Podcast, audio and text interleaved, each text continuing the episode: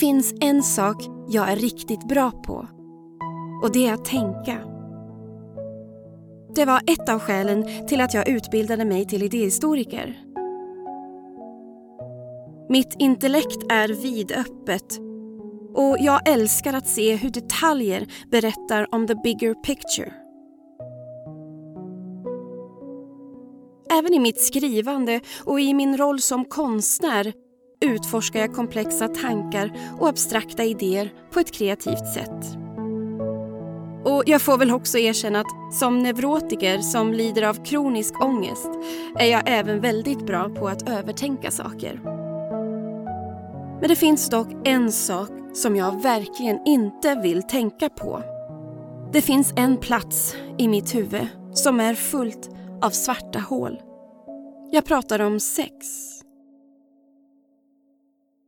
Eller rättare sagt om dåligt sex. Eller jag ska vara helt ärlig. Jag pratar om traumatiskt sex.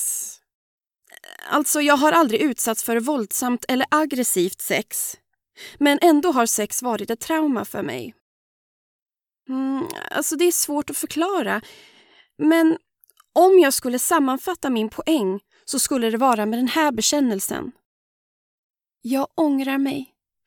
Jag ångrar all sex jag någonsin haft. Jag önskar att det aldrig hade hänt. Jag önskar att jag kunde börja om från början och radera alla minnen och alla svarta minnesluckor kring det. Jag har aldrig sagt nej till sex, men ändå nästan uteslutande haft sex mot min vilja. Men det var ingenting som männen kunde se och jag tror inte ens att jag själv insåg att jag faktiskt inte ville. På något sätt har jag trott att det inte har funnits ett alternativ till att ha sex så fort mina pojkvänner hade lust. Så jag såg det inte som att jag hade sex mot min vilja.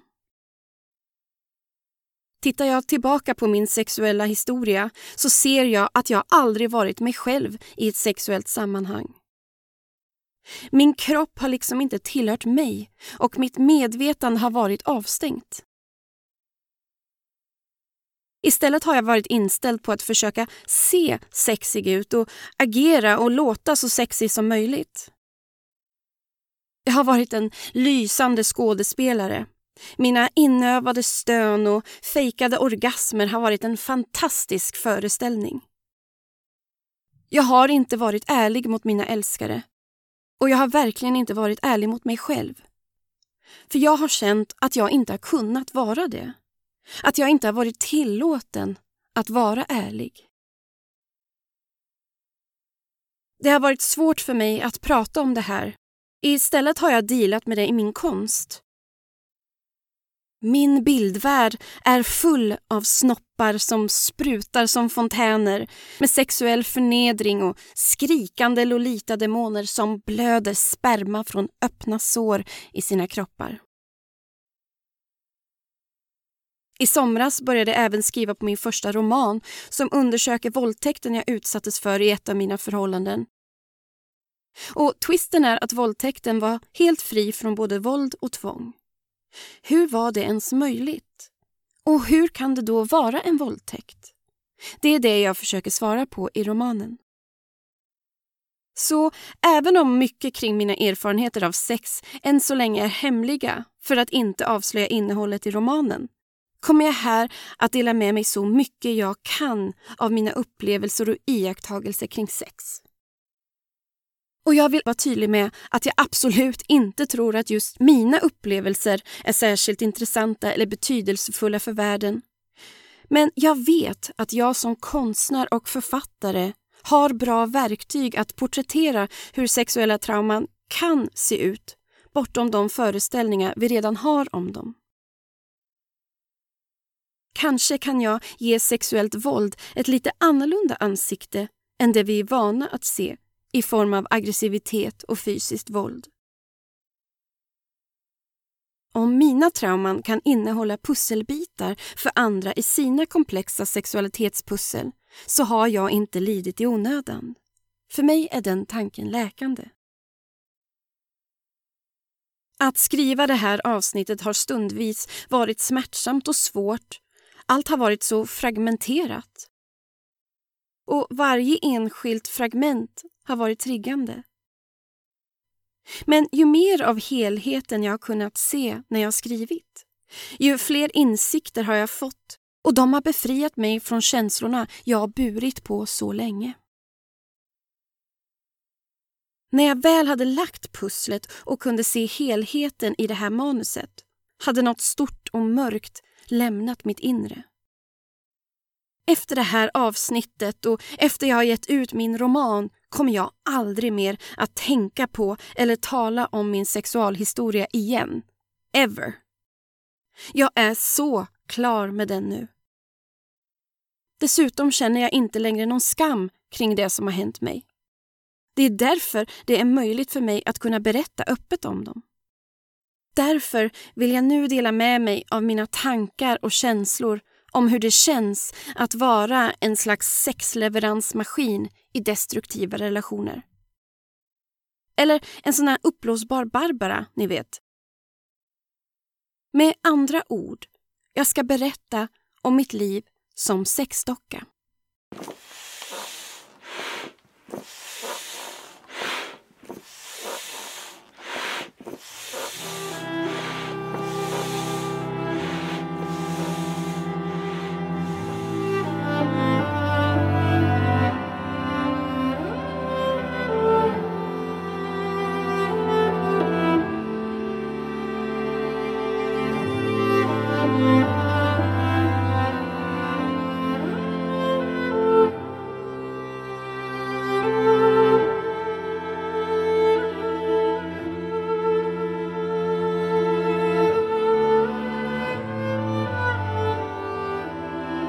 Jag heter Mia Makila. Och det här är Epilogen Podcast.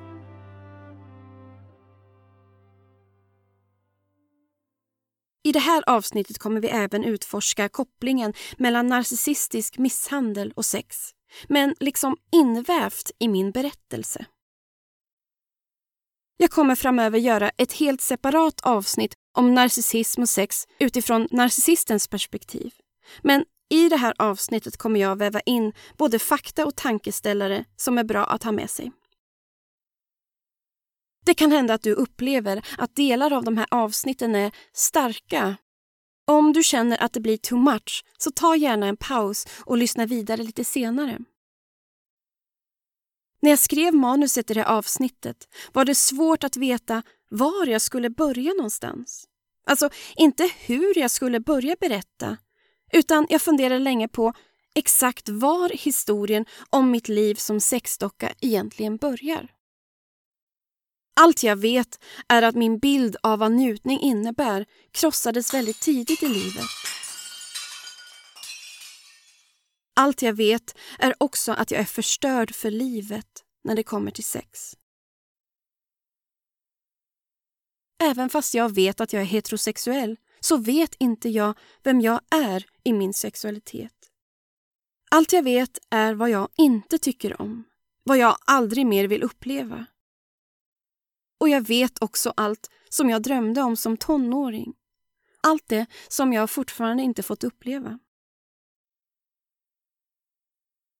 Den mest självklara början av den här berättelsen är att berätta om när jag förlorade oskulden till killen som sex månader senare skulle bli min misshandlare under fem år. Fast kanske börjar allt mycket tidigare än så. Kanske när jag var 13 år och blev kallad hora för första gången i mitt liv av en vuxen man i min närhet när han såg mig sminkad och utklädd till min idol Madonna.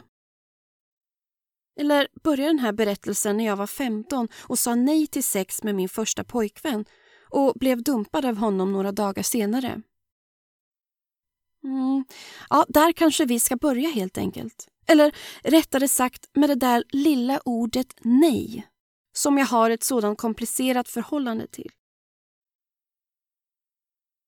Jag tycker alltid det är bra att både definiera och omdefiniera ord och koncept. Så vi börjar där och så bakar vi in min sexuella tidslinje vartefter och ser hur den går parallellt med den narcissism och misshandel jag levt med i perioder. Men även hur de invanda normerna av sex har förstört min självbild och mitt sexuella medvetande.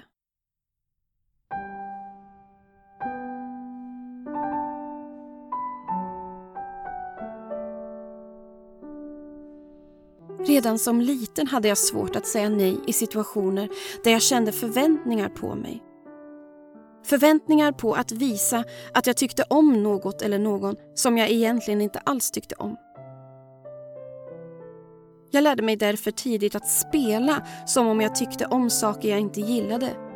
För att inte göra de vuxna arga, ledsna eller besvikna. När jag tyckte maten var äcklig sa jag “Mmm, vad gott” och klappade mig nöjt på magen. Även fast jag självklart var omedveten om det just då så har denna motsatsreaktion faktiskt ett namn inom psykologin. En så kallad reaktionsbildning, det vill säga den spelade reaktionen. Tillsammans med förskjutning och bortträngning är reaktionsbildning en psykologisk försvarsmekanism med syfte att hålla skrämmande känslor på avstånd. I korta drag kan vi säga att reaktionsbildning skyddar individen från känslomässiga konflikter, ångest och stress genom att ersätta hotfulla eller oönskade tankar eller känslor med deras direkta motsats. Vi kan ta ett exempel. En kvinna som har fött ett barn som hon egentligen inte vill ha kan bli överdrivet omsorgsfull och gullig mot barnet just för att hon i sitt inre inte kan acceptera att hon inte vill ha barnet.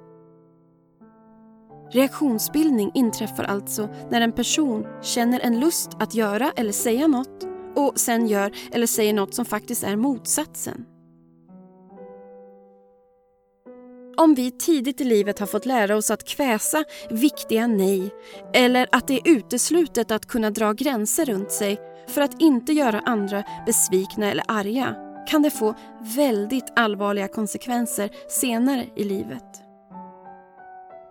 När vi inte vågar säga nej i sexuella sammanhang eller när vi inte känner oss trygga nog att uttrycka vad vi inte vill och inte tycker om inom en kärleksrelation kan det leda till en kedjeeffekt av upprepade trauman och både kroppslig, psykisk och själslig självförnekelse.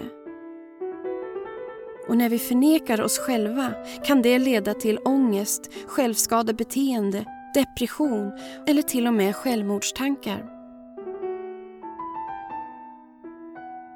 Att inte våga säga nej som barn kan bero på att vi har fått en villkorad kärlek från våra föräldrar. Där vi inte vågat använda vår egen röst för att säga “jag vill inte” eller “jag tycker inte om” eller “du får inte”.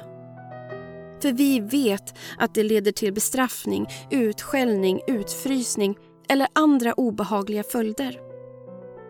Om vi då istället spelar som om det är okej okay med det vi inte tycker om och inte vill har vi istället blivit belönade med våra föräldrars kärlek, godkännande och gemenskap. Det kan också röra sig om att vi har fått dubbla budskap av våra föräldrar. Där det ibland har varit okej okay att sätta gränser och att säga nej och ibland inte och då lett till skrämmande konsekvenser. Då är det lättare att ta det säkra före det osäkra och spela okej okay och hålla inne med sina nej. För mig personligen har nej varit ett förbjudet ord i situationer där jag känt att den andra personen skulle känna skam inför sitt eget beteende om jag avvisar honom. Jag bär alltså hans skam genom att kväva mitt nej och istället le och agera behagligt och följsamt. Lite på samma sätt som när man fnissar åt mäns sexistiska skämt för att de inte ska behöva skämmas över sig själva. Med tiden har det förbjudna nejet lett till att mina naturliga instinkter om vad jag vill eller inte vill liksom gått i baklås. I situationer där jag har varit osäker på vem jag ska vara lojal till. Mig eller den andra. Jag kallar denna oförmåga till att följa sina naturliga instinkter för lojalitetskris. Och den leder då sen till reaktionsbildningen. Vi kommer återkomma till konsekvenserna av det förbjudna nejet och lojalitetskrisen lite senare.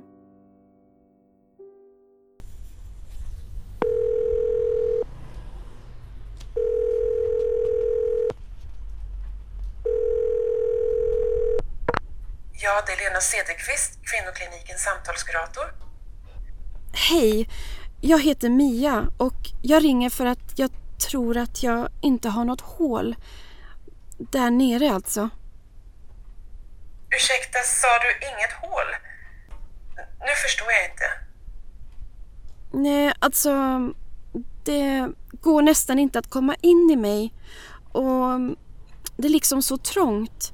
Det gör så ont när min pojkvän försöker så, så jag tänkte att jag kanske inte har något hål. Att det kanske liksom mer är som en grop och att det på något sätt tar stopp där inne som en köttvägg liksom. Där det ska gå att komma in alltså. Jaha, men alla kvinnor har ett hål. Om det är vaginan du pratar om. Ja, exakt det är det jag pratar om. Men jag tänkte om jag kanske var missbildad eller något. Jag har aldrig själv vågat känna efter med mina fingrar för jag skulle bli så ledsen om det verkligen var så att jag inte har något hål. Och jag skulle känna mig så hemskt värdelös då så mm, jag tänkte att jag skulle behöva komma och prata lite om det skulle vara okej. Okay. Ja, självklart kan vi boka in ett möte. Ett ögonblick. Vad sägs om torsdag klockan tio? Det är 2008 och jag fyller snart 30 år men är osäker på om jag har ett hål. Det vill säga ett kön som går att penetrera. För det går ju knappt. Det gör bara så jävla ont. Innan vi börjar utforska exakt varför jag hade fått för mig att jag inte hade ett kön som gick att penetrera tycker jag att vi ska stanna upp en stund vid ordet hål. Jag vet inte hur det är för er som lyssnar, men redan innan jag blev tonåring hade min hjärna blivit programmerad med kunskapen om att jag hade tre hål som var ämnade för sexuella aktiviteter. Dock missförstod jag det hela och trodde att jag hade tre svarta hål mellan benen som var lika stora. Och det kan jag säga var ett litet mindfuck. För jag förstod inte varför dessa hål inte gick att se med hjälp av en spegel. I min research till det här avsnittet snubblade jag över en artikel publicerad i Arbetaren där en sexualforskare ställt frågor till killar i grupp om vad som är bra och dåligt med porr. Det bästa med att titta på porr, tyckte killarna, var dess lärosyfte. Det vill säga att de lär sig mer om kvinnokroppen och om var man ska tränga in i tjejen och exakt hur många hål en kvinna har.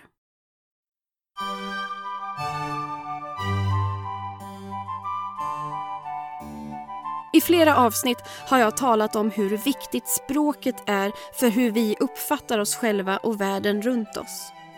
Som idéhistoriker älskar jag att undersöka hur våra idéer kring saker är rotade i hur vi talar om dem och vice versa, vilka idéer som orden egentligen representerar. Det är lätt att ord blir så självklara att vi tar dem för givet och slutar reflektera över dem.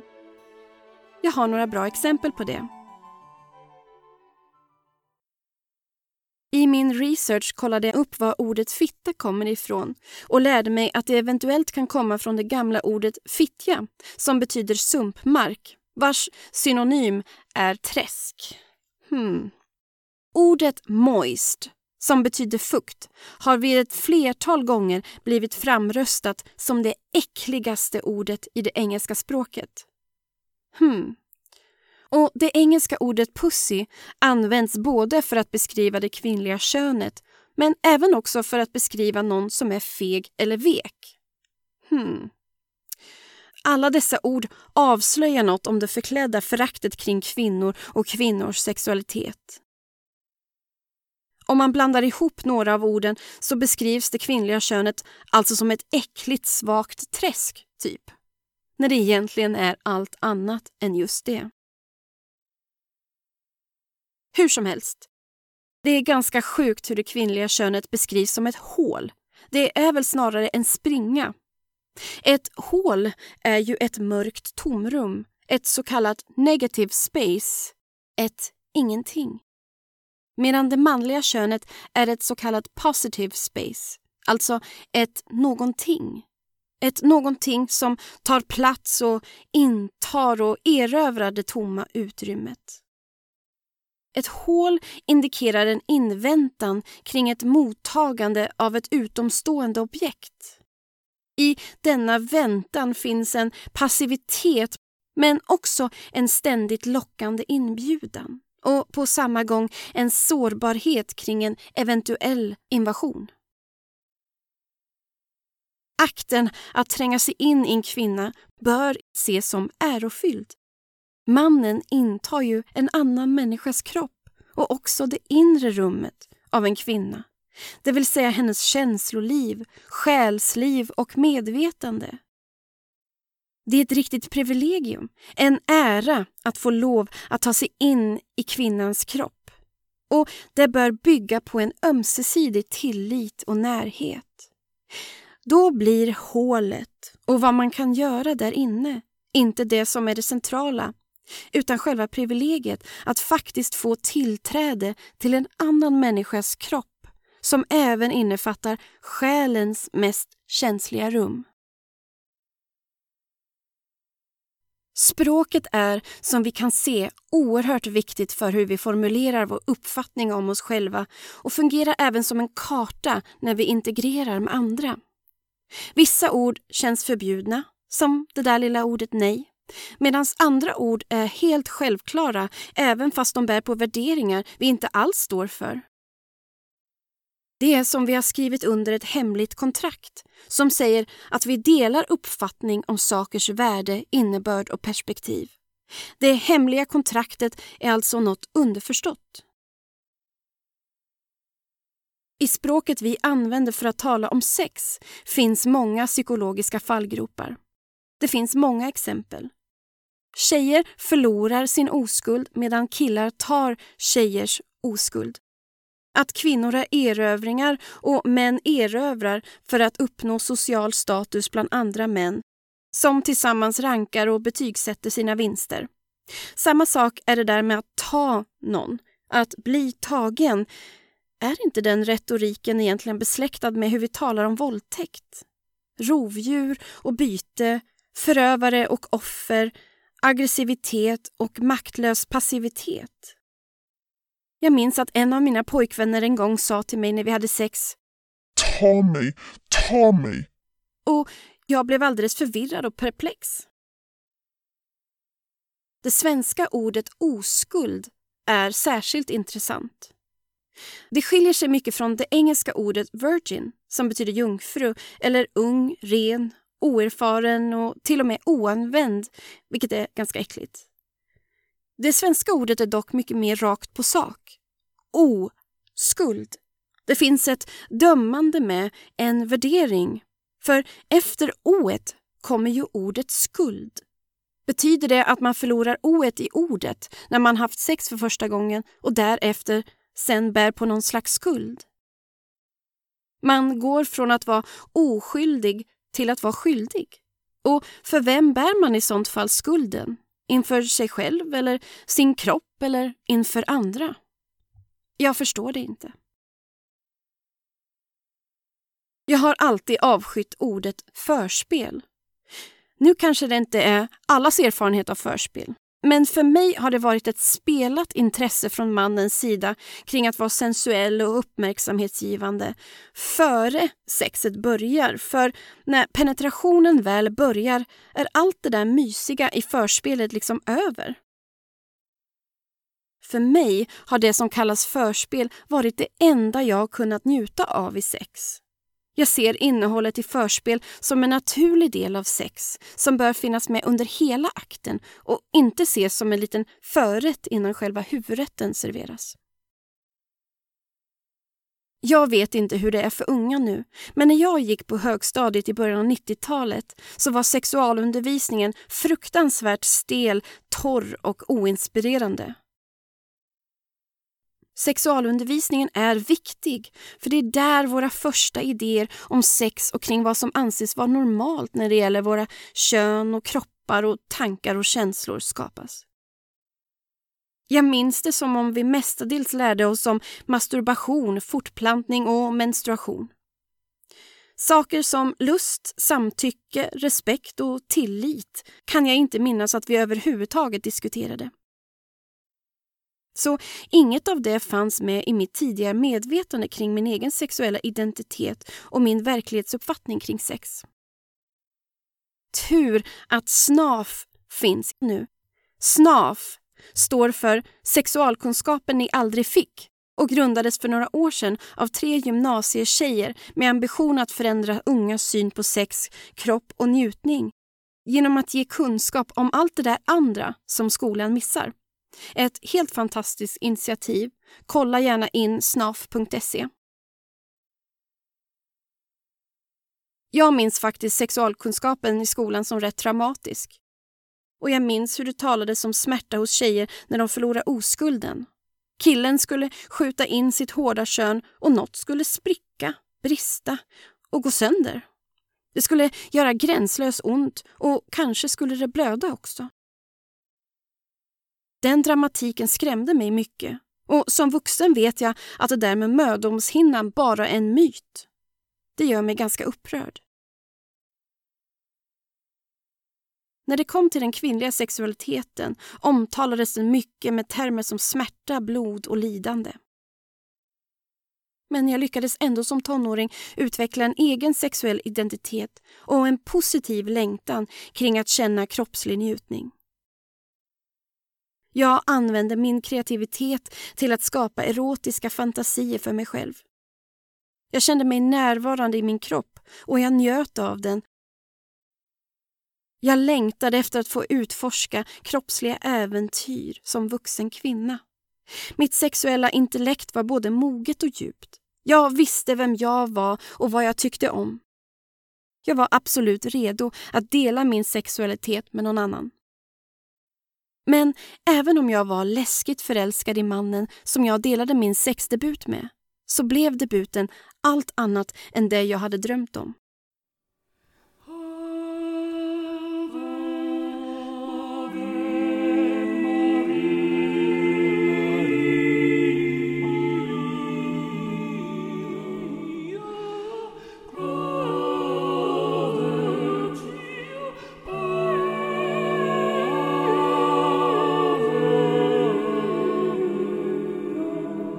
Var bägge oskulder och bara lite mer än ett halvår senare skulle vi flytta hemifrån och in i vår första lägenhet. Det var då han började misshandla mig, både fysiskt och psykiskt. Vid oskuldsförlusten var jag måttligt upphetsad. Han var mer på och uppjagad. Jag låg på rygg och han försökte pressa sig in i mig men jag var för spänd och blev krampaktigt trång. Det slutade med att jag gav honom en avsugning istället för jag fick så dåligt samvete över att han inte kunde komma in i mig. Jag tänkte att jag kanske var vanskapt, för trång eller värst av allt, att jag inte hade något hål att penetrera.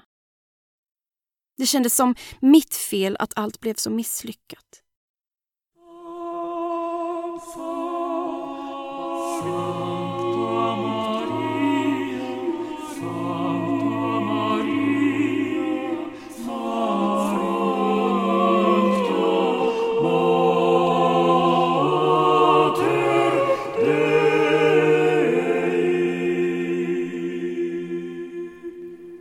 Några dagar efter upplevelsen, som jag helst ville glömma, råkade hitta hans dagbok som låg lite slarvigt uppslagen på hans skrivbord.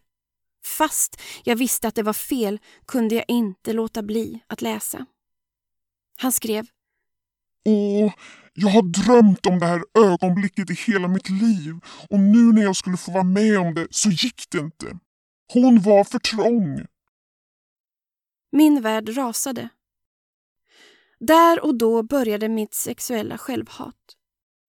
Och det var mitt fel att ingen av oss kunde njuta av sex.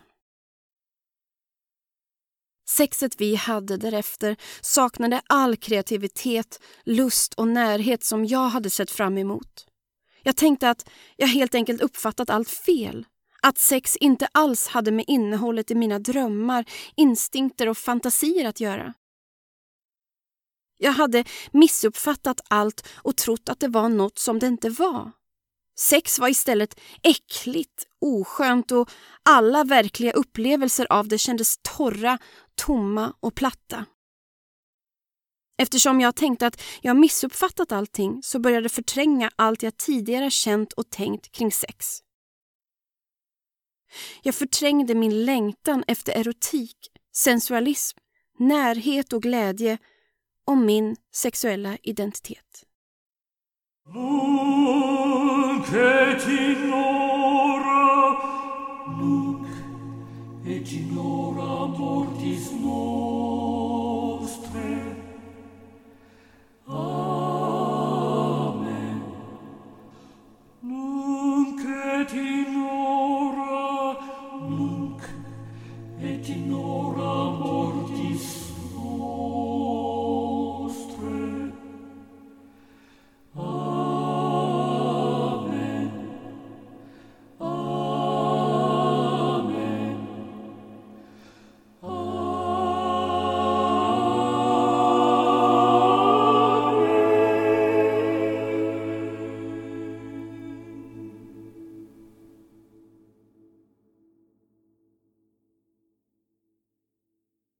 Jag någons flickvän och det var mycket viktigare att upprätthålla en känsla av vad som ansågs vara normalt i ett förhållande än mina fåniga tonårsfantasier.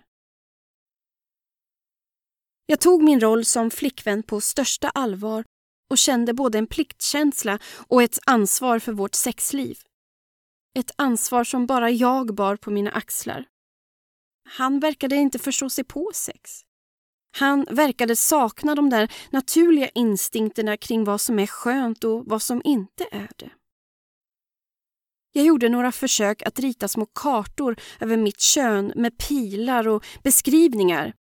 Smek här, kyss där, slicka så här och fingra så där. Men han följde aldrig mina könskartor. Han sa att han råkat slarva bort dem.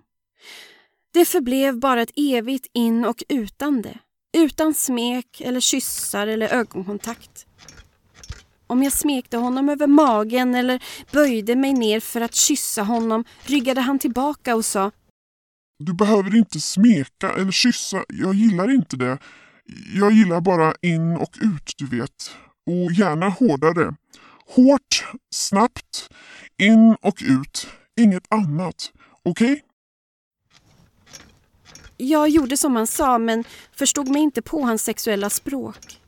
Allt kändes fel, onaturligt, mekaniskt, robotliknande. Om min kropp brydde han sig inte om, trots mina kroppskartor. Jag tänkte att det måste betyda att min kropp är så ful och äcklig.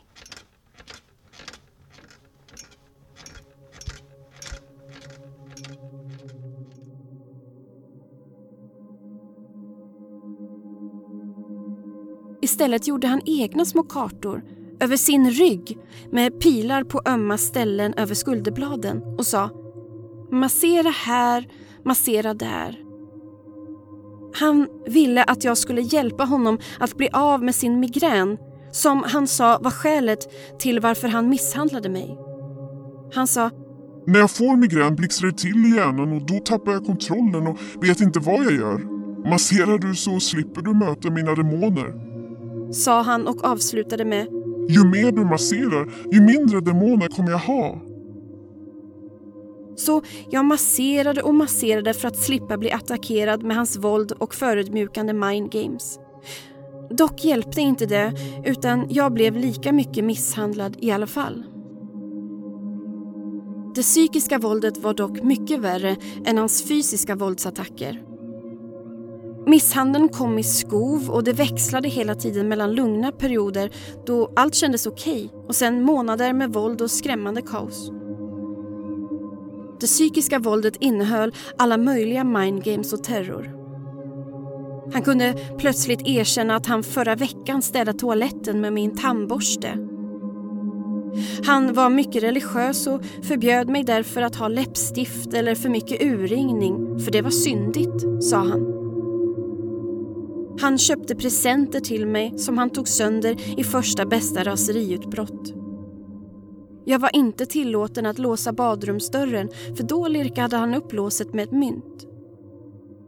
Han lyssnade av telefonen under mina telefonsamtal och jag var inte tillåten att vara borta från hemmet mer än den tid han själv bestämt åt mig. Han hånade mig när jag gick upp i vikt och sa ofta att jag var tjock och äcklig. Och sa jag någonsin emot honom hotade han med att han skulle döda mig. Han fick mig att lägga ner mina kreativa projekt som mitt skrivande och mina ambitioner som konstnär eftersom han föraktade mina talanger. Jag hade dålig smak och stil och saknade talang, sa han.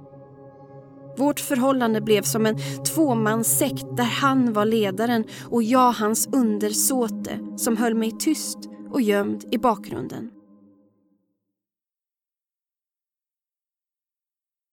Jag har mycket få minnen kvar av vårt femåriga sexliv. Har förträngt så mycket. Skulle man spela in en film med samtliga minnen skulle den nog bara bli tio sekunder lång. Men det gick aldrig våldsamt till, så mycket minns jag. Våra sexuella möten präglades istället av en tyst likgiltighet. Det var torftigt, tyst, stelt. Det fanns en märklig parallell i vårt sexliv. När han misshandlade mig fysiskt brottade han ner mig på golvet och satt gränsle över mig medan han drog och slet i mitt hår, skrynklade ihop mitt ansikte och spottade rakt i det. Men när vi hade sex var det ombytta roller. Då var det jag som satt gränsle över honom och rörde mig fram och tillbaka medan han låg tyst och stilla under mig med armarna raklånga längs sidorna som ett lik. I flera år efter jag lämnade honom drömde jag mardrömmar om att jag hade sex med döda människor. Han krävde sex, men utan att våldta eller fysiskt tvinga ner mig i madrassen. Hans krav skedde på ett mycket mer raffinerat sätt. Små hintar eller gliringar. Hade vi inte haft sex på ett par månader kunde han komma med en utskriven artikel från Aftonbladet med information om att ett genomsnittligt svenskt par minsann hade sex två gånger i veckan. Jag förstod piken. Även fast jag kände mig fruktansvärt förödmjukad och osynlig stängde jag återigen av huvudet och gav honom allt han ville ha. In och ut, in och ut, in och ut. Det gjorde så ont. Jag var ju torr och trång eftersom jag inte var ett dugg upphetsad. In och ut, in och ut. Till slut hade vi filat ner alla mina nervtrådar och förstört slemhinnorna som nu brände som eld och syra medan han sågade sig in och ut ur mig. Det var då smärtan flyttade in i mitt kön. Efter varje sexuellt möte brann det mellan benen och jag låg kvar i en krampaktig ställning i sängen. Jag kunde knappt röra mig, så ont gjorde det. Men jag stängde av huvudet ännu mer och körde vidare med att ställa upp på penetration när han än ville. In och ut, in och ut, smärta, smärta, smärta. Smärtan var förvisso rätt olidlig. Jag kunde inte ens bära byxor eller cykla för det sved och brann mellan benen. Men jag såg det som min plikt att ge honom sex. Både i rollen som hans flickvän och som kvinna. Medan jag själv förträngde min egen sexualitet och mina naturliga reaktioner kring att ha sex som jag egentligen inte alls ville ha. Min största rädsla var att han skulle bli besviken på mig och lämna mig om jag sa nej.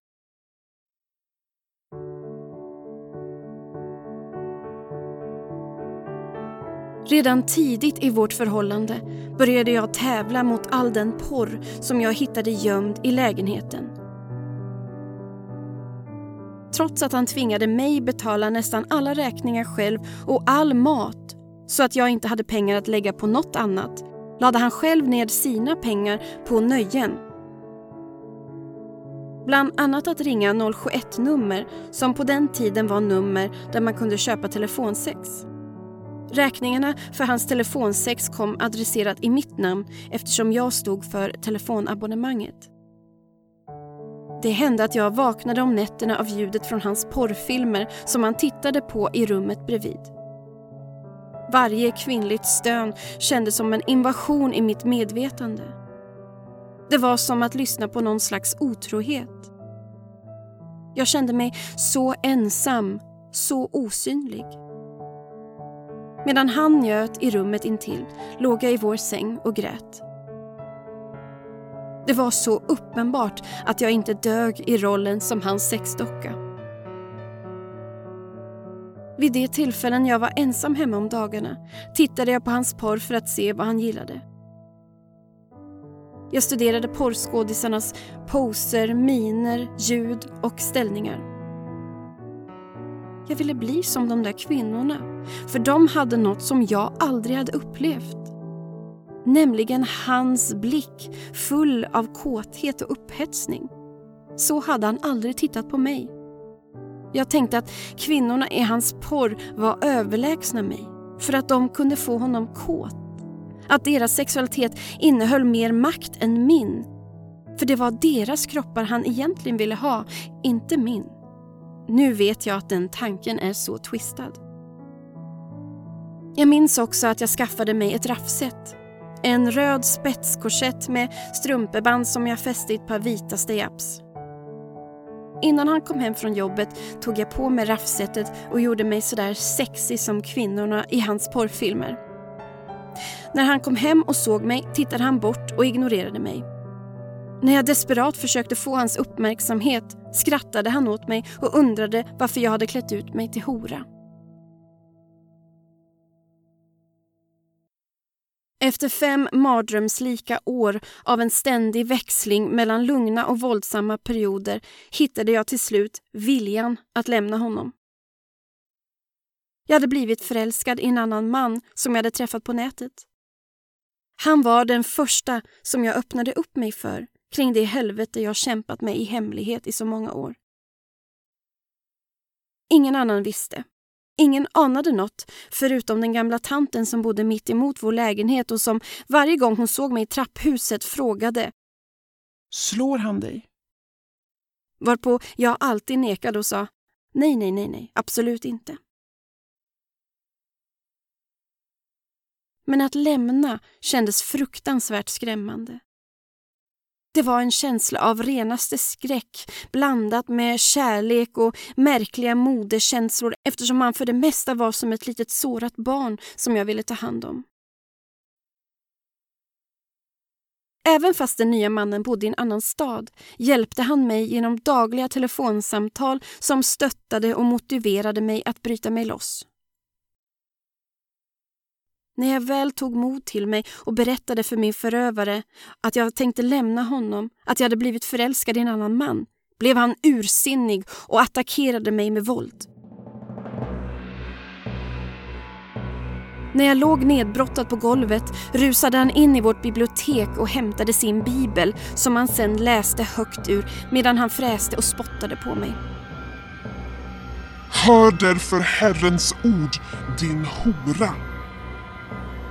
Du bjöd ut ditt kön, du horade med dina älskare och alla dina vidriga avgudar. Därför ska jag samla alla de älskare som har njutit din gunst. Och jag ska blotta ditt sköte för dem så de ser dig i all din nakenhet. Jag ska döma dig som man dömer äktenskapsbryterskor och mörderskor du ska få känna av min vrede och min svartsjuka.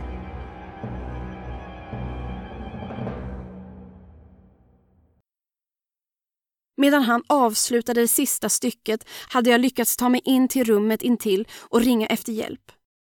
Det blev vår sista dag tillsammans i rollerna som Gud och horan.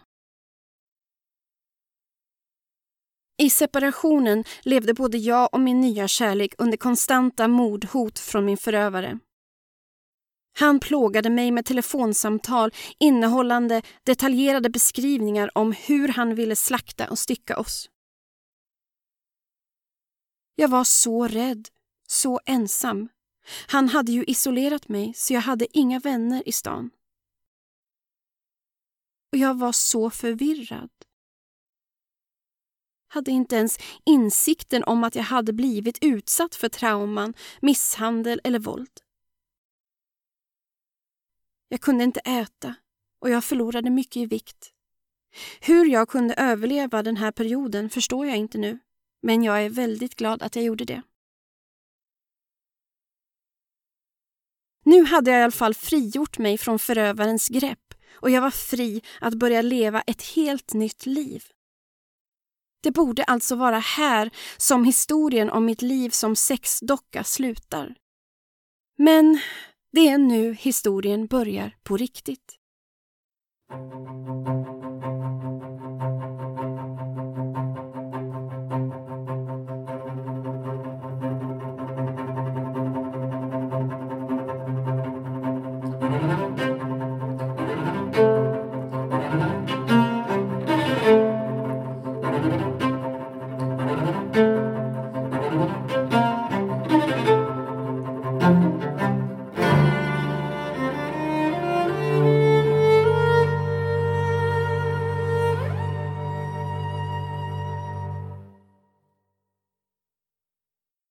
Följande stycke är baserat på anteckningar ur min dagbok från 2013.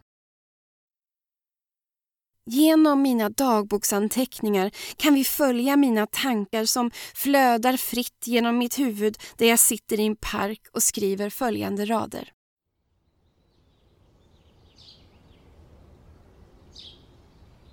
Tänk att det är tio år sedan nu som jag lämnade min förövare.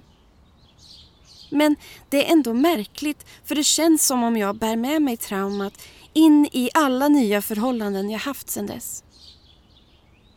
Det är lustigt hur det liksom alltid varit samma slags sexrutiner i alla nya förhållanden. Alla älskare har liksom haft samma gamla uppställningar av sexställningar och samma porrskadade preferenser och samma oförmåga att uttrycka närhet, intimitet och sensualism. Samma blindhet och dövhet inför mina signaler av vad jag vill ha. Det vill säga erotik, lekfullhet, förförelselekar och sexuell energi. Jag förstår inte varför ingen av dem vill ha sex på ett sätt där det är skönt för mig. Har de alla gått samma skola i att lära sig olika former av tråkigt sex? Det är så förutsägbart. Först är det hångel och förspel, sedan slick och sug, sen lite framifrån, lite bakifrån. Mer slick och sug och ibland stoppar han in kuken i mitt anushål utan att fråga. Och sen är det tänkt att jag ska komma och Sist men inte minst så är det dags för the grand finale. Hans sprut. Jag frågar var han vill komma och han får välja. Jag brukar ta emot honom på brösten, mellan benen, i ansiktet eller i munnen. Jag sväljer ofta och fejkar ett leende efteråt fast jag bara vill spy. Det är vidrigt. Varför vill de ens komma i min mun? Jag fattar det inte. Det känns sjukt på något sätt. Tror inte de själva skulle vilja få munnen full av mina kroppsvätskor. Inte ens min fukt, som de dessutom tar cred för att ha producerat. De ser så stolta ut när jag blir våt. Avskyr när de säger “Men gud så våt du är! Du är jättevåt! Du är plaskvåt!” Som om de har varit duktiga och lyckats med någon slags bedrift. Typ “Prisa Gud, här kommer skatteåterbäringen”. Men hur som helst, jag vill bara få det överstökat. Och det är ju min plikt som flickvän att ställa upp på allt. På tråksex, pliktsex, tjatsex, försoningssex, rutinsex, porrsex, skuldsex, transaktionssex och dåligt samvetesex, låt det vara över snart-sex och jag vill bara vara normal-sex. Och min sexualitet då? Min njutning, var är den? Ja, Jag har blivit så van att ligga på golvet i olika badrum och onanera snabbt, effektivt och tyst så att mina pojkvänner inte hör. Jag vill inte att de ska veta att jag inte kan njuta av vårt sex. Jag har nog blivit lite rädd för sex. Märker att jag liksom försöker undvika det. Flera förhållanden jag haft har slutat med år av sexlöshet då jag bara ger sex på födelsedagar, jul, nyår och såklart på alla hjärtans dag. Men i övrigt drar jag mig undan. Försöker en pojkvän ha sex med mig krånglar jag mig ur hans grepp. Hans stånd är spännande och hotfullt på samma gång och jag vill bara trycka in hans kuk i mig och ha toksex. Men tanken skrämmer mig så mycket att jag istället för bort den så den obekvämt borrar sig in i mitt lår. Jag känner mig så misslyckad. Jag hatar mig själv så mycket. Framför allt hatar jag min kropp. Jag har gått upp lite i vikt och känner mig så ful och äcklig. Mitt kön är vidrigt. Jag tycker så synd om mina pojkvänner som ens vill komma nära det med sina munnar. Jag får panik när de vill slicka mig och putta bort deras huvuden. Fy fan så äckligt det måste vara att slicka mig. Jag kan inte se på när de förnedrar sig själva på det sättet. När jag duschar tittar jag upp i taket och låtsas som om min kropp inte finns. Skulle jag kunna skulle jag döda min kropp så jag slapp den. Jag vill bli befriad. Jag skulle vara helt okej okay med att bara vara ett flytande huvud. Kanske är det därför jag bara målar bläckfiskar i min konst just nu. Under de här tio åren sedan jag lämnade min förövare har jag diagnostiserats med komplex posttraumatiskt stresssyndrom eller CPTSD för mina upplevelser av våld och misshandel. Jag har gått i traumabehandling så jag har bearbetat mycket av mina upplevelser men just den sexuella biten kunde psykologen inte hjälpa mig med. Därför går jag nu i en terapibehandling hos både en psykolog och en barnmorska på RFSU. Jag har själv satt diagnosen vestibulit på smärtan jag känner i underlivet när jag har sex. Men psykologen på RFSU vet inte om hon kan behandla mig för det eftersom mina problem är så pass omfattande. Hon menar att vestibuliten inte är det största problemet utan min traumatisering från mina destruktiva relationer. Allt hänger liksom ihop, säger hon. Så jag faller lite mellan stolarna i både traumabehandlingen och i vestibulitbehandlingen. Jag har i alla fall startat en blogg om vestibulit för att kunna skriva av mig om allt. Det känns skönt. Jag känner att jag läker lite mer för varje inlägg. Och ibland får jag mejl från läsare som känner igen sig. Och förra veckan fick jag det här mejlet från en ung kvinna.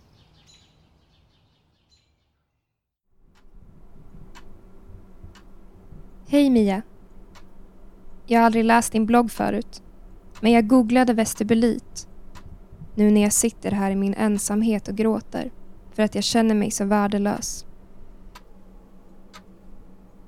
Jag vet inte vart jag ska vända mig. De sa på gynekologen för en vecka sedan att jag har vestibulit. Det känns som att hela mitt liv har tagit slut. Jag har precis förlovat mig och det är tänkt att jag ska gifta mig nästa sommar. Men jag vill bara göra slut med min kille innan han lämnar mig. Känner mig så sjukt värdelös över att jag inte kan tillfredsställa honom. Gråter för att jag är helt säker på att han kommer börja fantisera om andra kvinnor och vara otrogen mot mig för att han inte får ha penetrationssex med mig. Han säger att han inte kommer lämna mig, men jag är så rädd. Vi har sex genom kyssar och smek nu men han vill kela hela tiden. Vilket får mig att tro att han inte är tillfredsställd och att jag måste ställa upp, även på det. För annars lämnar han mig. Han förstår inte att jag blir stressad. Och jag vet inte hur jag ska göra. Jag vet att han älskar mig och respekterar mig. Men det känns som att han tycker att det är jobbigare än han ger sken av att tycka. Har du några tips på hur jag ska orka leva mitt liv och få det att hålla med min kille? Så slipper jag sitta och gråta varje dag.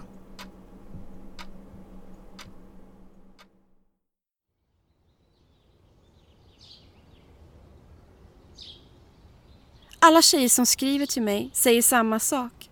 Att de egentligen inte tänder på sexet som deras killar vill ha. Och att de känner sig pressade och stressade och otillräckliga. Jag förstår inte varför ingen pratar om det här. Det verkar så vanligt. Allt kring normalt sex verkar ju vara ett slags missförstånd som ingen vågar avslöja. Det är press och krav och tjat. Jag har pratat med många tjejkompisar om sex och jag stöter på samma grejer om och om igen. De säger, ibland när vi har sex så är jag inte så våt eller upphetsad och då gör det lite ont. Några andra säger, sex är överskattat, det är inte alltid så skönt. Liksom som om alla kvinnor ibland har sex mot sin vilja och får en liten släng av vestibulit. Det värsta är ändå inte vestibulitsmärtan utan att det verkar vara både vanligt och normalt att som kvinna ha sex när man inte vill och när man inte har lust. Mina möten med barnmorskan på RFSU är fulla av ångest. Flera gånger har hon frågat om jag är redo för en undersökning men jag har alltid sagt nej i panik. Jag har inte kunnat göra en gynundersökning på mer än tio år. Det går bara inte. Jag slår bakut så fort gynekologen närmar sig mitt kön med sina instrument. På mötet förra veckan fick jag sitta i stolen med kläderna på medan hon visade mig en plastmodell av en öppen vagina och gick igenom alla instrument. Jag frågade om det V-formade instrumentet är till för att fläka upp mitt kön, liksom tvinga upp det till ett stort öppet hål så att hon kan undersöka. Då vänder hon upp och ner på V-redskapet så att det liknar en rutschkana och säger jag, jag håller här och petar lite lätt ner väck och sånt med den andra sidan och hela ska ju naturligtvis inte in, bara en liten bit. Och det är inget hål som ska fläkas upp Egentligen kan man inte komma in i en kvinna när vaginan drar ihop sig av rädsla eller stress. Då är det omöjligt för mig att undersöka. Men tänk, ändå trängde sig din pojkvän på dig när ditt kön var sådär ihopdraget. Jag säger till barnmorskan att jag nog bara kan bli undersökt om jag är kåt. Att annars kommer det göra så in i helvete ont. Hon säger men lilla vän, det är inte meningen att du ska njuta av undersökningen. Det här är ingen sexuell situation.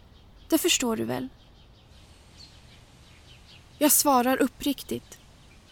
För mig är allt som har med mitt kön att göra sexuellt. Hela min kropp är till för att ge sex. Den är inte min. Den är till för andra. Egentligen förstår jag inte själv vad jag menar. Och jag fattar att mina tankar är sjuka och twistade och att det är galet att tänka som jag gör. Psykologen på RFSU har klassat mitt sexliv med misshandlaren som våldtäkt. Jag har alltid sagt att jag hade sex mot min vilja och kanske är det egentligen samma sak men våldtäkt låter så in i helvete läskigare. Att byta epitetet på mitt sexliv från sex mot min vilja till våldtäkt kastar om mina känslor från något invant till abstrakta och luddiga känslor som jag inte alls kan klä i ord. Man blir betydligt mer skadad i hjärnan av att bli sexuellt kränkt i en nära relation som pågår i flera år än om man blir våldtagen av en främmande man i en park vid ett enda tillfälle sa min psykolog till mig och det fick mig att börja gråta där jag satt framför henne.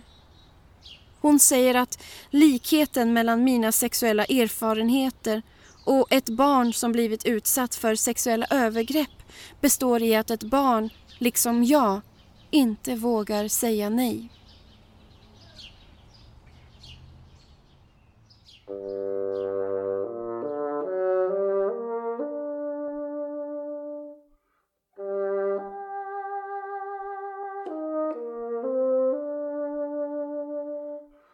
Det är nästan tio år sedan som jag skrev de här dagboksanteckningarna. Och även fast jag redan hade kommit fram till viktiga insikter i min terapibehandling så skulle mitt förhållande till sex bli mycket värre.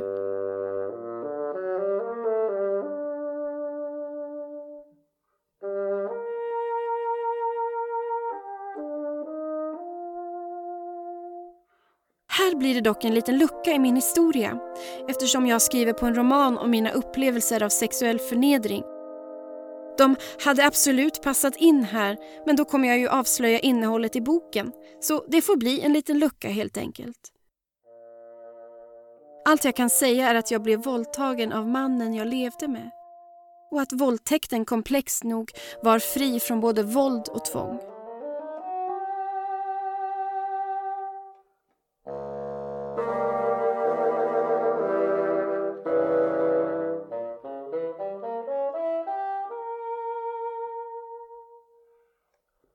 Upplevelsen fick mig att lämna förhållandet och jag visste att jag inte skulle palla att vara någons flickvän längre.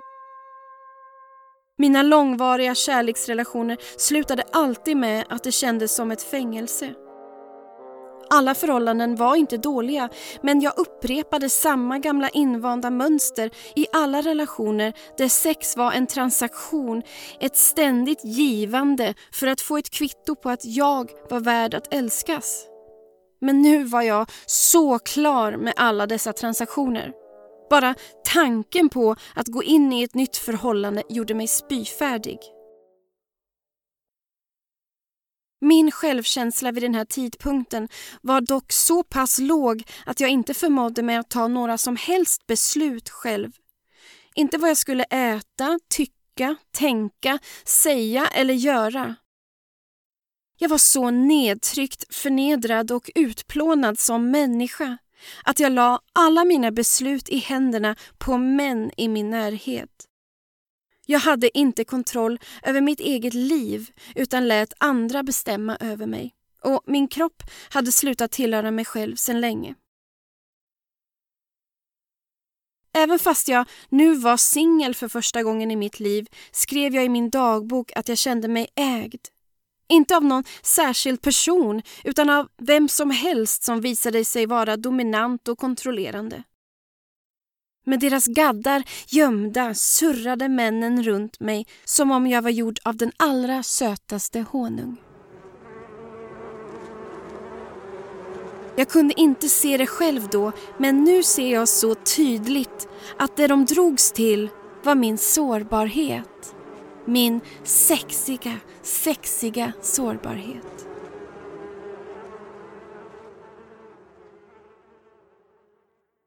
Eftersom jag ändå någonstans insåg att min kropp hade utstått nog med sexuella trauman sökte jag mig främst till män online. Under ett par år hade jag ett stort antal cyberälskare från hela världen. Jag föredrog relationer på engelska eftersom det svenska språket var fullt av triggers från mina destruktiva relationer. Särskilt de svenska orden kring sex som var direkt motbjudande för mig. Mina cyberälskare var alltifrån ensamstående män till kufar, gifta män och småbarnspappor. Vissa var unga och andra äldre. Det spelade ingen roll vilket. Jag drogs in i en värld där jag var mittpunkten för mäns uppmärksamhet. Det var berusande.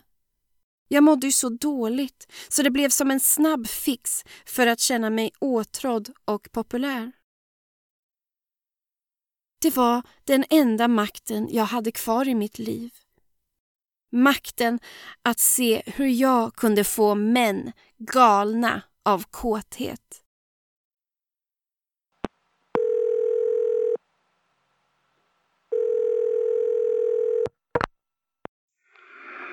Hey, you've just been so sexy lately and just so hot, and the things you're saying are just, oh my god, they're just m- melting me. just can't believe how sexually powerful you are, and it's just, and it's energy, it's just a sexual energy, it's just so freaking powerful, and everything you do just Keep it up. Keep it up.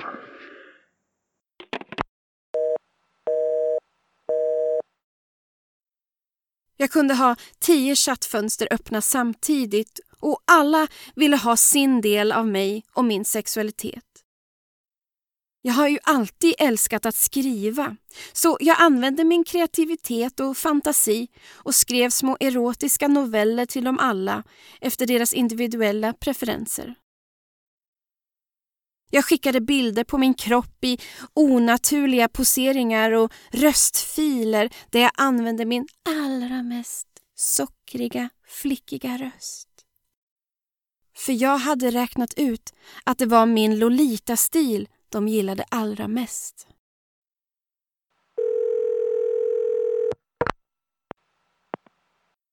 Right now I'm in my bed and uh, just thinking about you.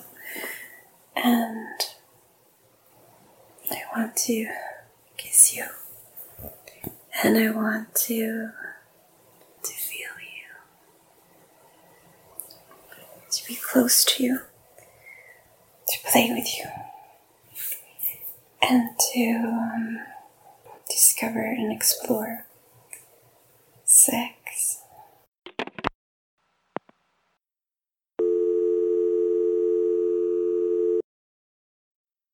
Med alla medel beskrev jag vad jag skulle göra med dem om vi befann oss i samma rum och vad jag ville att de skulle göra med mig. Fast det där hittade jag bara på. Det var ju inget jag själv tände på.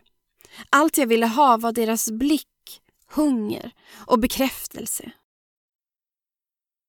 Det var nästan ett heltidsjobb att hålla dessa sexuella chattar levande och kreativa. Utan att döma mig själv kan jag nu se att jag blev cyberpromiskuös för att distrahera mig från ångesten och tankarna och känslorna kring våldtäkten och alla mina trauman. Det var en flykt från känslan av att befinna sig på bottenskiktet av livet.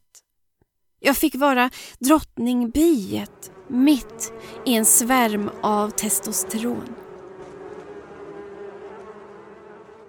Samtidigt som jag blev någon slags modern Anes Nin för de här männen så var deras gensvar en djungel av perversioner och sexuella kinks.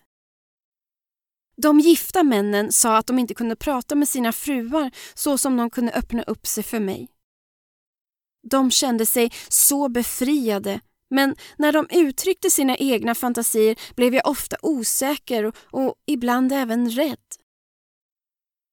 Jag kunde inte alls relatera till deras fantasier. De kändes både främmande och skrämmande. Här är några exempel.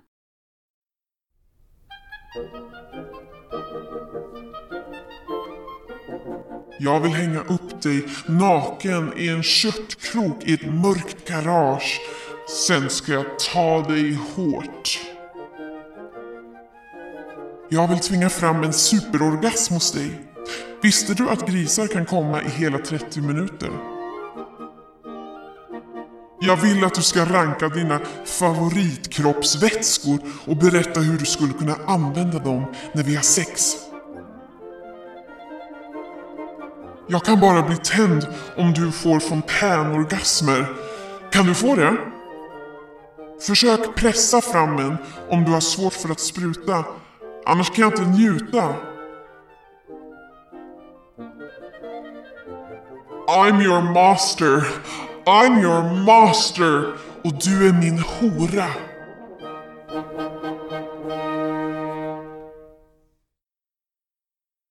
Den allra mest bisarra cyberälskaren avslöjade sina perversioner först efter vi hade avslutat vårt äventyr.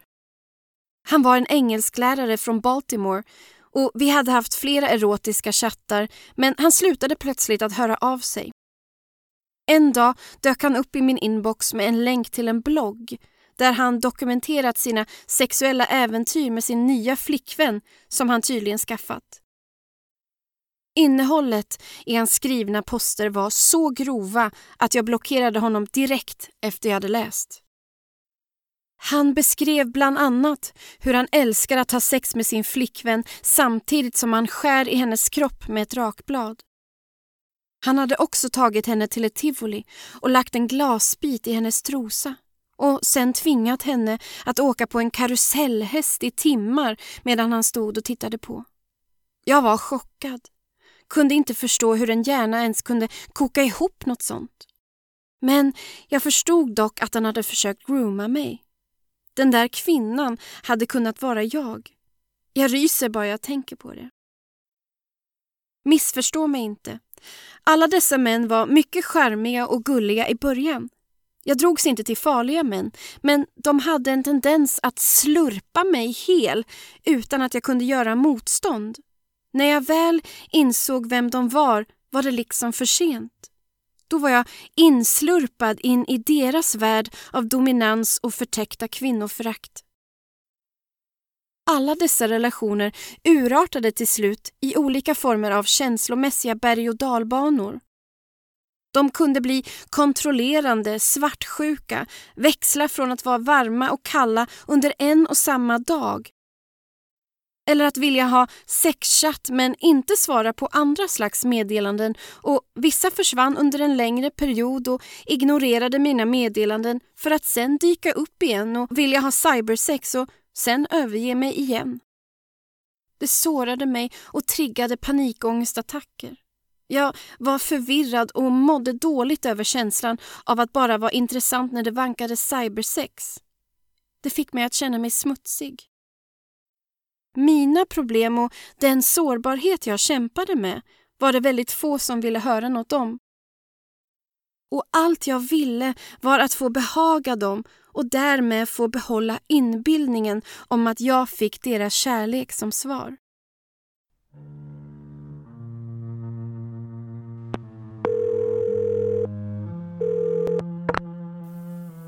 I feel like I want to give up. I can't make you happy. Give up. It's too hard. I wish I knew what would make you happy. I could make you happy once, a few months ago. You made me feel so good to entertain you and to tease you and to make you feel loved and wanted. And for some reason, that is not enough for you. It's like I have to be a white canvas for you. How can I do that?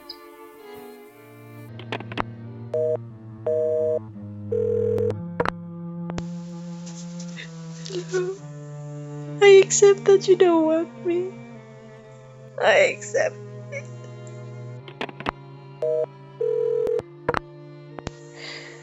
I'm having a panic attack. My legs are paralyzed. I can't breathe. I can't stand human coldness. It's breaking me.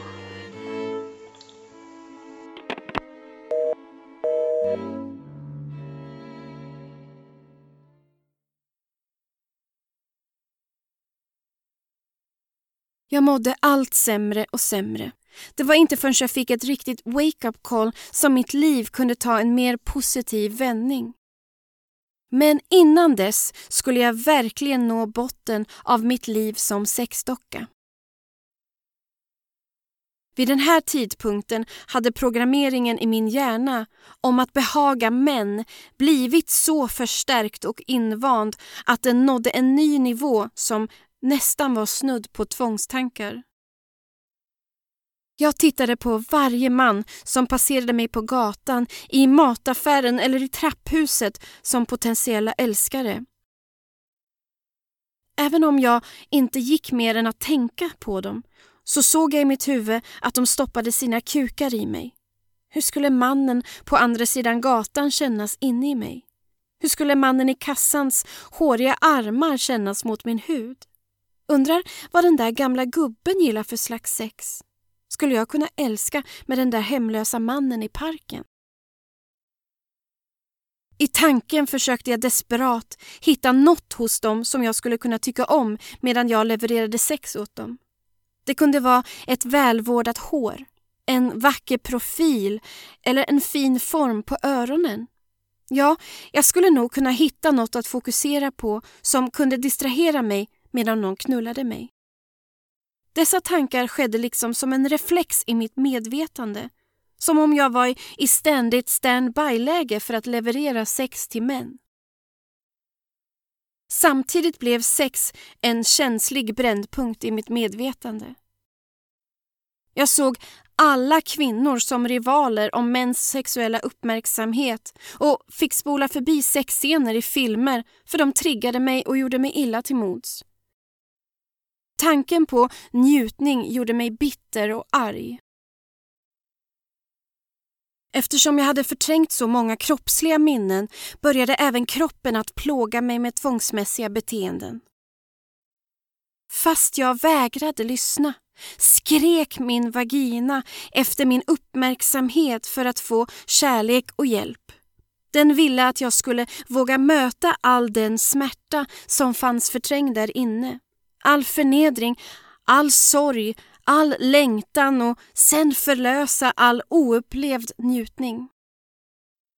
Men mest var den förbannad. Kanske var det därför jag började med ett slags självskadebeteende av att klia upp slemhinnorna där inne för att återskapa smärtan och vestibuliten från mina förhållanden. Smärtan där inne ville ut. Det kliade, sved, blödde och svullnade. Min vagina var så irriterad, arg och så full av smärta och ångest att det inte längre gick att kontrollera.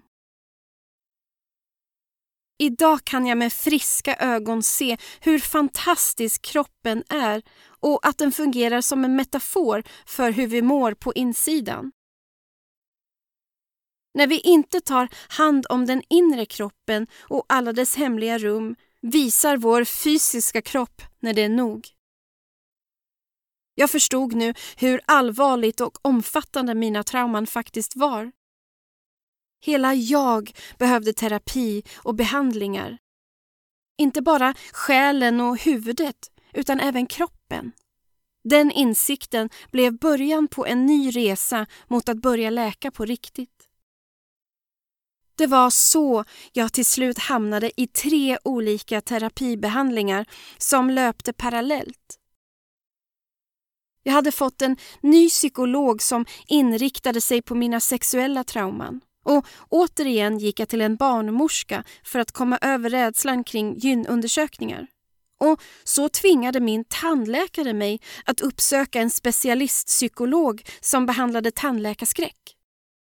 Problemet hos tandläkaren var att jag inte klarade av att känna tandläkarens hand inne i munnen för det triggade mina kroppsminnen kring alla avsugningar jag gett och som jag hatat. På grund av mina äckelkänslor triggades kräkreflexen omedelbart när jag kände tandläkarens fingrar i munnen och jag krängde aggressivt i tandläkarstolen så tandläkaren inte kunde göra sitt jobb. Genom alla mina behandlingar började jag bli allt mer medveten om hur jag fortsatt att upprepa mitt trauma från misshandelsförhållandet. Ju mer medveten jag blev, desto mer kunde jag börja frigöra mig från mina självdestruktiva mönster att vilja leverera sex till män. Det var så jag sakta men säkert började läka och då blev det allt mer svårare att ge sig hän till tvångstankarna och självskadebeteendet. Jag minns sista kontakten med en cyberälskare. Det var ett meddelande från en gift man som hade barn. Han skrev Nu ska jag gå och runka. Säg något sexigt så att jag kan komma skönt. Då brast något i mig. Jag är fan inte något jävla 071-nummer, svarade jag. Nu fick det vara nog. Jag raderade alla mina sexuella kontakter och gick offline. Fuck this shit, tänkte jag. Jag minns även sista gången jag hade fysiskt sex mot min vilja. Även fast jag genom terapin förstod att jag tyckte sex var direkt motbjudande var det på mitt initiativ. Återigen som någon slags tvångshandling. Jag var inte ens attraherad, men jag hade tagit kontakt. Jag bjöd in. Jag drog med mannen in i sovrummet. Så här gick tankarna vid sista tillfället. Känner mig svimfärdig. Jag vill kräkas. Men jag har ju lovat. Jag kan inte göra honom besviken. Nu är han inne i mig. Men jag är inte med. Jag flyr. Jag är någon annanstans. Jag mår så illa. Det blixtrar i huvudet och plötsligt vet jag inte vart jag är. Rummet snurrar. Han stöter sig snabbare och snabbare in i mig. Jag vill inte. Men gud, jag vill verkligen inte mer nu. Jag kan inte. Jag känner mig så yr. Kanske dör jag nu. Jag slår mig själv i pannan med min hand och mumlar. Vänta. Stopp. Men han kör på. Han verkar inte höra mig. Nej, nej, jag vill inte mer nu. Jag, jag vill inte mer. Nej, jag vill inte mer nu. Jag vill inte mer nu. Jag vill inte mer nu. Det blev sista gången jag hade sex mot min vilja.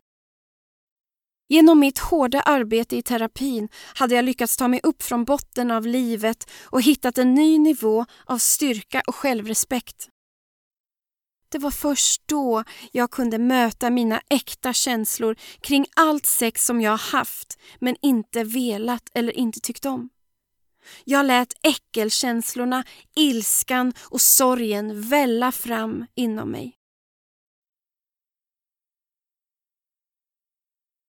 Jag kände mig använd, förbrukad och min kropp hade blivit en främling. En främling som dessutom bar på minnen som mitt huvud avvisat och trängt undan. Nu ville jag bryta alla skadliga mönster.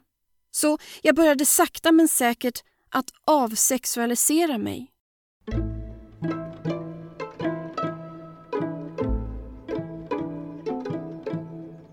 Jag klippte håret i en frisyr jag inte tyckte om.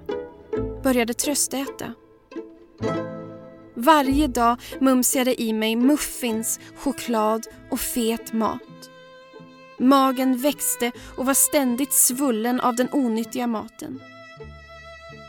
Mina kvinnliga former, som hade varit ett slags kapital för att få männens uppmärksamhet, suddades ut av övervikten. Jag bytte ut mina feminina klänningar mot plagg utan form, som mammakläder. När jag gick ut tittade inte längre männen på mig med sina hungriga blickar. Jag tänkte att jag säkert såg oknullbar ut i deras ögon. Jag kände mig i alla fall osynlig. Och det är viktigt att poängtera att jag inte lägger in några värderingar kring kroppar och vikt här, utan bara illustrerar mitt eget kroppsförhållande. Som i ett projekt förvandlade min kropp till en fysisk manifestation av ett högt och tydligt nej.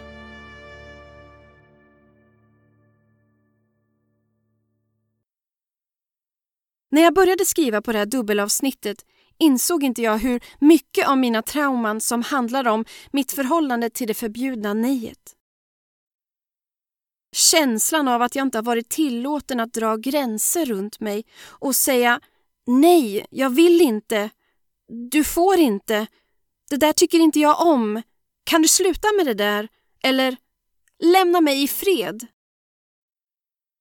Vi återkommer ständigt till problematiken kring det förbjudna nejet. Vi kommer inte runt det. I slutändan handlar allt om narcissistiska mäns självutnämnda rätt till att utöva makt och kontroll över mig som kvinna. Det gäller inte bara kontroll och maktutövande kring min sexualitet utan även över min vilja, mina åsikter, talanger, sårbarheter och styrkor, mina reaktioner, min integritet och kanske främst min självbestämmande rätt min autonomi. Du ska lyda. Du ska ge. Du ska inte krångla eller säga emot. Gör som jag säger. Gör som jag vill. Som vi har varit inne på tidigare i det här avsnittet finns det en likhet mellan att som vuxen inte våga säga nej i sex med barn som utsätts för sexuella övergrepp. Här är två definitioner av sexuella övergrepp. När den andra gör något sexuellt mot dig när du känner att du inte kan eller får uttrycka din vilja. När den andra utnyttjar sitt överläge och får dig att känna att du måste ställa upp på sex. Vi behöver inte vara minderåriga för att känna så här. Har vi vuxit upp med känslan av att det blir otrevliga konsekvenser av att vi säger ifrån eller uttrycker gränser eller oönskade känslor så kastreras vi ständigt i vår inre röst. I kombination med en partner som är narcissist eller lider av någon annan personlighetsstörning inom kluster B blir detta inlärda beteende extra skadligt. Eftersom narcissisten är autoerotisk, det vill säga att han endast har fokus på sina egna behov och sin egen njutning, så förstärks de invanda mönstren av lojalitetskrisen som jag nämnde i första delen av det här avsnittet, där vi ständigt känner oss tvungna av att vara lojala mot den andra istället för oss själva och vår starka pliktkänsla av att ge det vi tror krävs av oss utan att göra motstånd. Och när vi talar om narcissister är det värt att nämna att just eftersom narcissister är autoerotiska har de inte sex för att dela en sexuell upplevelse med en partner utan använder kvinnors kroppar för att masturbera med. Narcissister föraktar och är rädda för intimitet eftersom det innebär äkthet och narcissister kan inte och vill inte vara äkta. De gör ju allt för att fly från sitt äkta jag.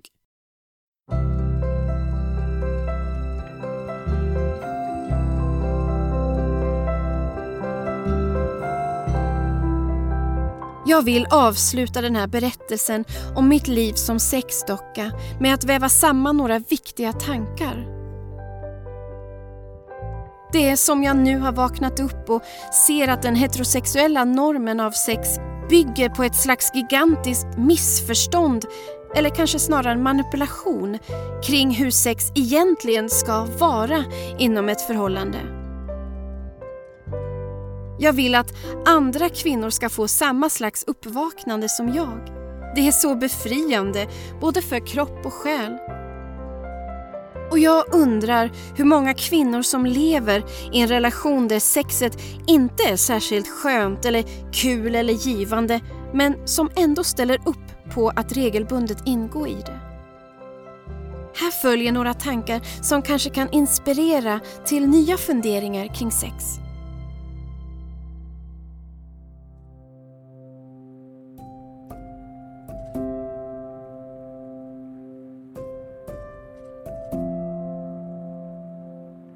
Först och viktigast.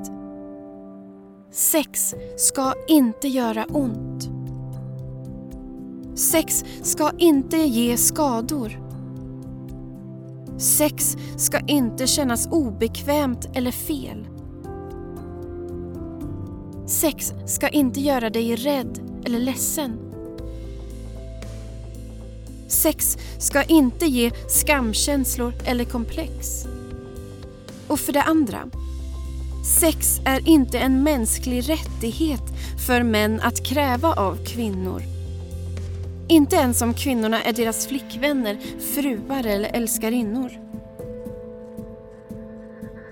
Jag tycker också att det är farligt att tänka på sex som något man har. Det är ju en intim upplevelse man delar med någon annan. Att tänka på sex som något man har gör att man ser det som en valuta. Antingen har man sex och då är det ett bevis på att man är normal, lyckad och knullbar. Eller så har man inte sex och då är man onormal och misslyckad. Kanske till och med oknullbar. Det blir en status i att se till att man har sex. Därefter är det även status kring hur ofta man har sex eller hur spännande sexet är. Unga idag pratar mycket i termer som kinky sex och vaniljsex. där tjejerna hellre ställer upp på tortyrartad sex än att anses tråkiga som vill ha intim sex.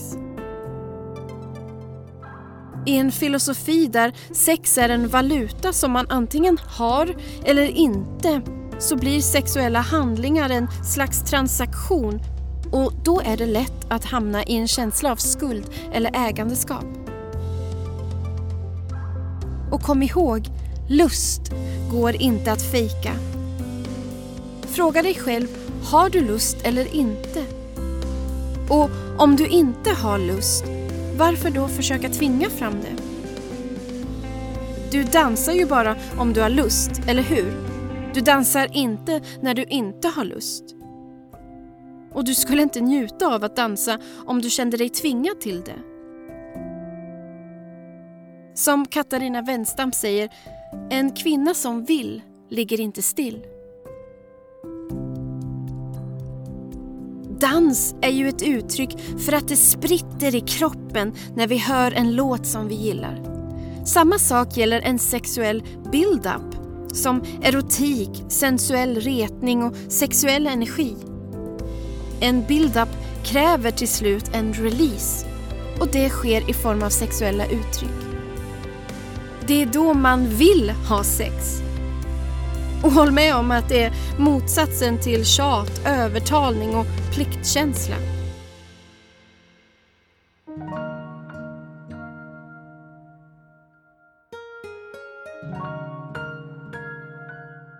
Det är också skillnad på att vilja ha sex och att vara redo för sex. En newsflash till alla män. Spott eller saliv är inte en genväg till att tränga in i en kvinna. Är hon inte våt är hon inte redo. Det är ju som kvinnor skulle vira flera lager tejp runt mannens kön för att den ska bli hård men det betyder ju inte att mannen känner sig redo för att ha sex. Bara för att du och din kropp ingår i en relation betyder inte det att den är ägd och att du måste stå i standby-läge för att leverera njutning åt din partner. Den enda som har lov att avgöra vad din kropp ska få uppleva eller inte är du själv. Det är det som är kroppslig integritet. Definiera vad njutning innebär för dig och acceptera vad du än kommer fram till.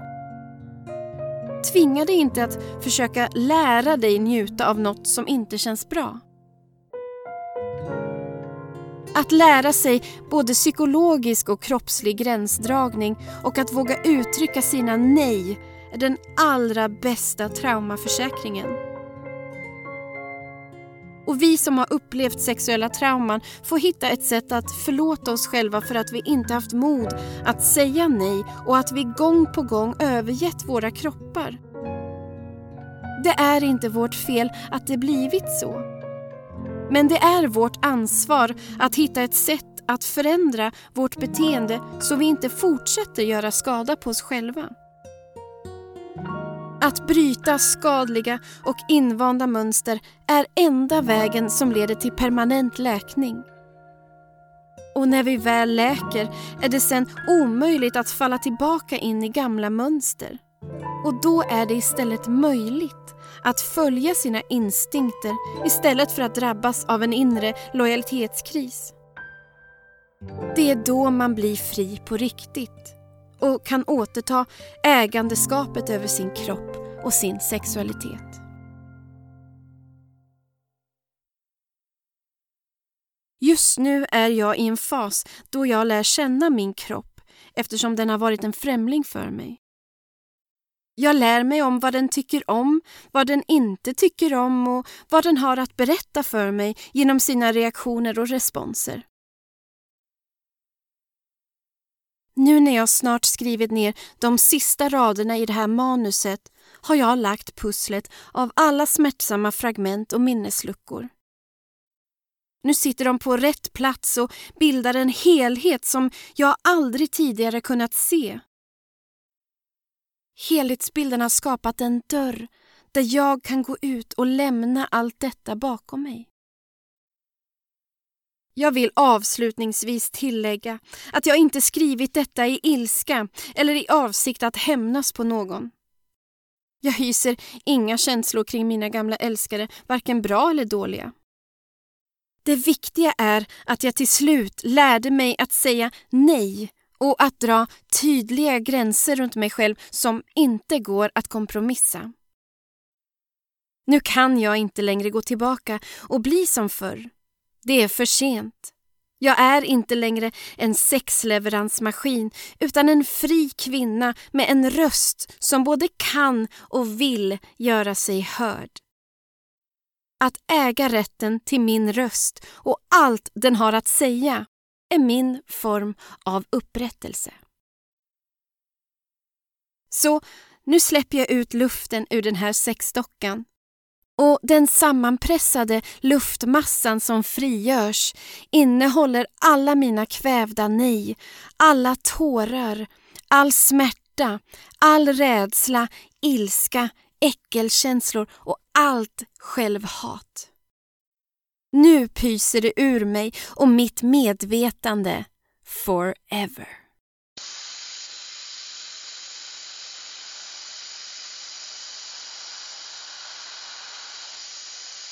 Du har lyssnat på Epilogen Podcast. Jag som skriver, producerar och framför podden heter Mia Makila. Du kan läsa mer om mig och min konst på miamakila.com. Tusen tack till alla ni som lyssnar och delar podden så att vi kan fortsätta sprida kunskap om trauman inom narcissism och våld i nära relationer. Följ gärna Epilogen Podcast på Facebook och Instagram. Om du vill dela med dig av din berättelse i podden eller bara ge lite feedback, mejla på epilogenpodcast gmail.com. Uppläsare av brevet var Karin Engman. Och musiken i avsnittet är poddsäker Mer info om vilka låtar finns i avsnittsbeskrivningen. Och sist men inte minst, ta hand om er.